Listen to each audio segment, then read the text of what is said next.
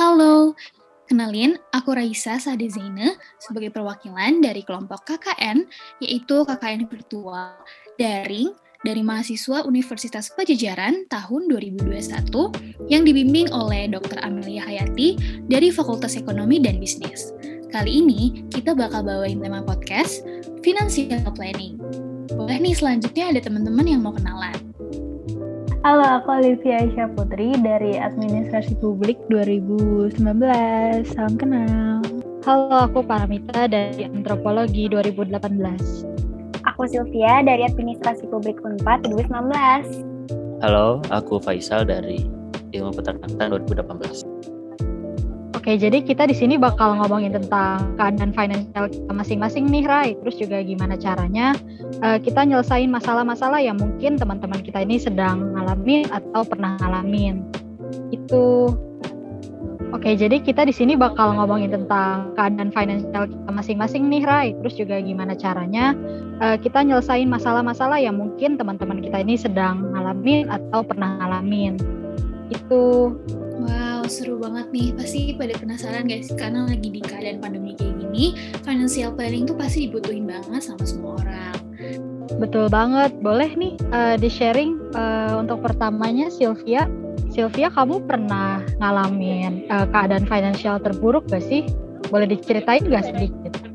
Wah, kalau di membicarakan masalah finansial itu kayaknya ini ya semua orang pasti punya masalah ya uh, yang berhubungan sama finansial uh, finansial gitu. Kalau di aku sendiri sedikit bercerita gitu kan tentang keadaan finansial terburuk yang pernah aku alami itu sih uh, ketika aku masih di Jatinangor, masa di mana belum ada COVID ya, masa di mana masih aku aku masih jadi anak kosan gitu.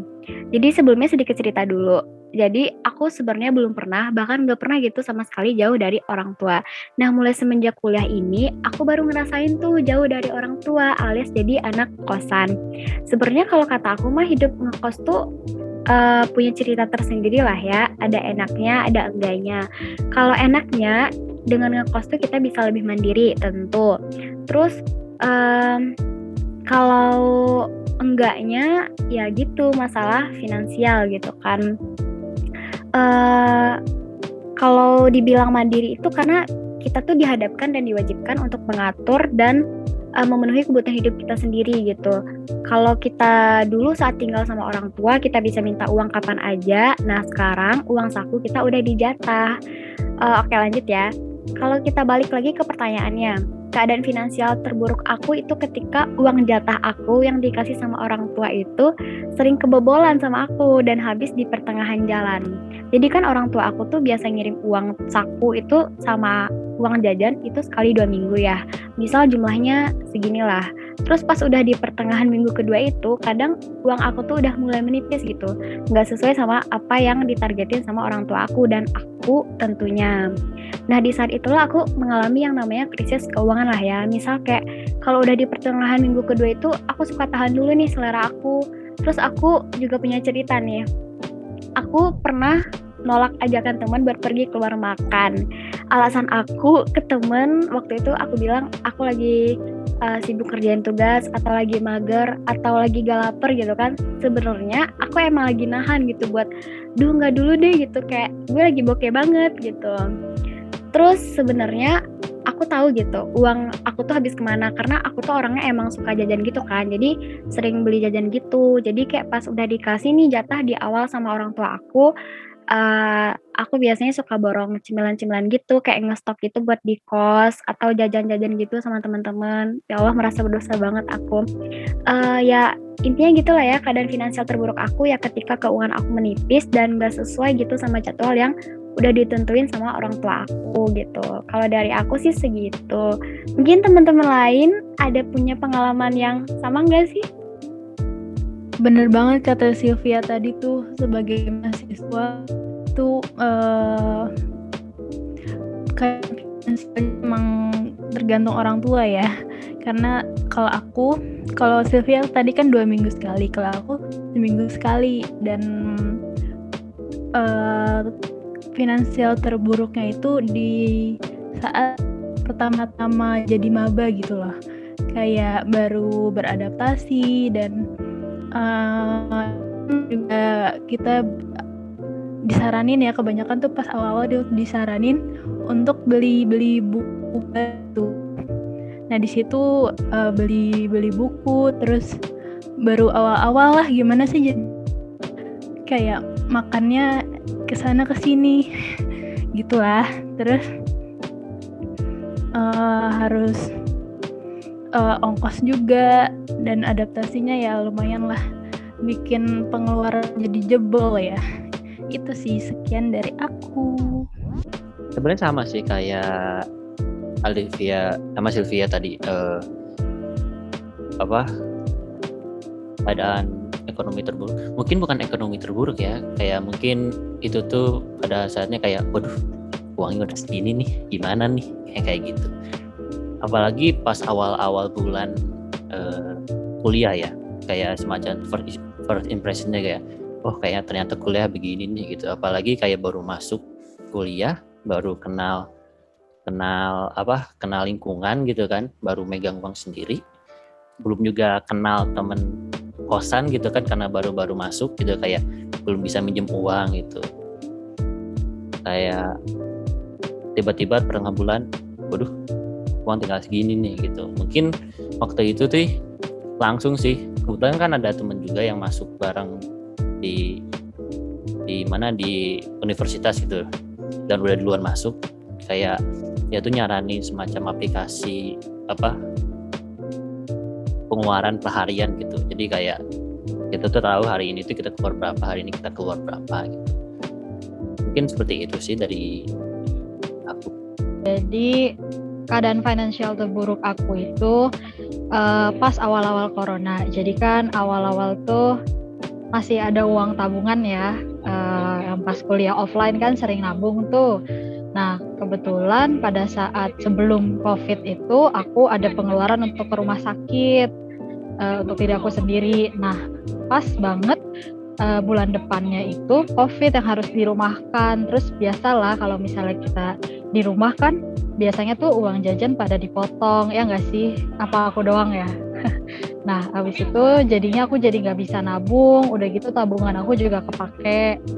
Ya gitu. Nah, terus solusi dari aku sih waktu itu aku jadinya uh, uang sisa yang pegang itu di aplikasi investasi gitu di bibit namanya nah udah sih dari aku gitu aja mungkin kalau misalnya soal bibit um, sama sih aku pun ada penasaran agak penasaran juga sama bibit dan mungkin banyak juga dari mahasiswa yang pakai Kalia untuk bisa menabung dan sedikit-sedikit investasi.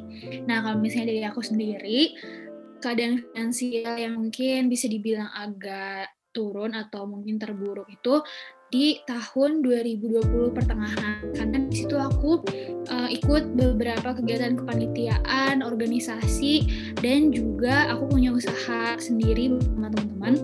Dan di situ aku ngerasa uang aku mulai nggak ter terorganize dengan baik. Jadi kalau pengeluarannya berapa dan pemasukannya berapa tuh nggak sinkron.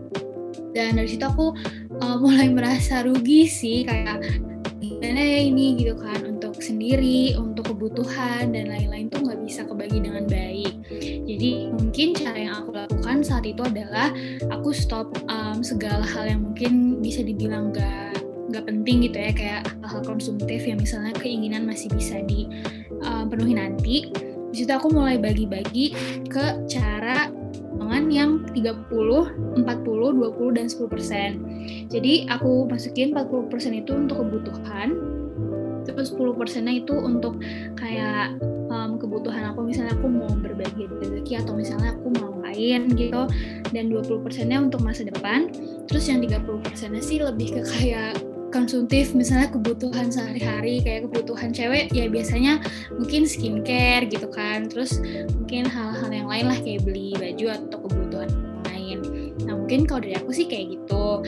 Karena ya mau nggak mau pun kita masih bergantung sama orang tua kan gitu. Jadi kita harus masih pinter-pinter sih organize uang dengan baik. Gitu sih dari aku teman-teman. Nah, kira-kira nih, kan kita semua tadi udah sharing seputar um, kayak gimana sih pengalaman kita di kala pandemi ini, finansialnya, keadaan kapan finansial kita turun atau mungkin bahkan kapan gitu finansial kita terburuk dan pernah dialamin. Kira-kira nih um, ada nggak sih kesimpulan dari teman mas dari kalian masing-masing? Gimana cara atau misalnya gimana sih um, tips buat anak-anak milenial zaman sekarang untuk ngeberesin soal planningnya? Jadi dari yang aku simpulin sih gini ya, jadi kemampuan pengelolaan keuangan itu perlu banget gak sih dipahami buat mahasiswa sekarang. Jadi bukan hanya untuk kepentingan saat ini, tapi juga untuk bekal kita di masa depan. Nah, uh, untuk itu kita nih sebagai mahasiswa perlu memanfaatkan dengan baik dan untuk bereksperimen juga, bereksplorasi dalam pengelolaan keuangan atau yang kita kenal tadi dengan financial planning itu. Dan menurut aku kita juga perlu nih menyiapkan life skill yang menjadi dasar untuk modal kita ke depan. Misalnya bisa dengan kegiatan entrepreneurship atau investasi dan segala sesuatu tentang keuangan lainnya gitu. Kalau boleh aku kasih tahu nih beberapa cara yang bisa dilakukan oleh kita sebagai generasi milenial saat ini untuk mengatur keuangan kita. Misal nih yang pertama bisa dengan memperhatikan pola konsumsi dan pengeluaran kita. Terus kedua, kita bisa menabung. Terus yang ketiga, bisa dengan investasi. Kan banyak banget tuh investasi zaman sekarang bisa melalui gadget gitu. Kayak investasi saham gitu. Mungkin teman-teman lain bener banget yang dikata uh, Sylvia dan Raisa ya. Kalau aku, aku tambahin aja ya. Kalau aku uh, pastinya uh, mencatat pemasukan rutin dan pengeluarannya itu uh, menabung. Kalau aku salah satu nabungnya itu pakai celengan guys. Gak tahu sih ini jadul memang. Tapi yang untuk 2000 2000-an aja 2000 10000 tapi uh, walaupun sedikit uh, cukup lah buat jajan. Misalkan di tabungan itu uh, bisa berapa bulan kamu baru bukanya gitu. Itu cukuplah buat uh, tambah-tambahan sedikit-sedikit. Itu aja sih dari aku.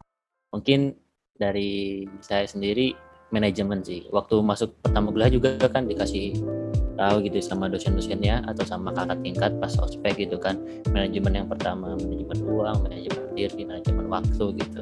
Mungkin situ sih. Contohnya tuh kayak mungkin membuat catatan uang hari gitu kan. Kayak pembagian sehari maksimal habis berapa gitu. Atau mungkin masukin sisanya ke kata Sylvia atau Olivia tadi loh Pak yang investasi gitu. Mungkin kayak gitu sih. Oke, mungkin kita langsung ke closing aja. Semoga podcast kita tentang financial planning ini bermanfaat untuk teman-teman di luar sana yang bisa mendengarkan atau mungkin relate kali ya sama apa yang kita sharing hari ini. Dan aku Raisa Zaina dari Fakultas Ilmu Komunikasi pamit undur diri. Uh, mungkin teman-teman yang mau say bye-bye juga. Aku juga Sylvia, Administrasi Publik pamit undur diri juga. Bye-bye. Saya Faisal dari Ilmu Peternakan pamit undur diri. Dadah. Saya juga Paramita dari Antropologi pamit undur diri. Dadah.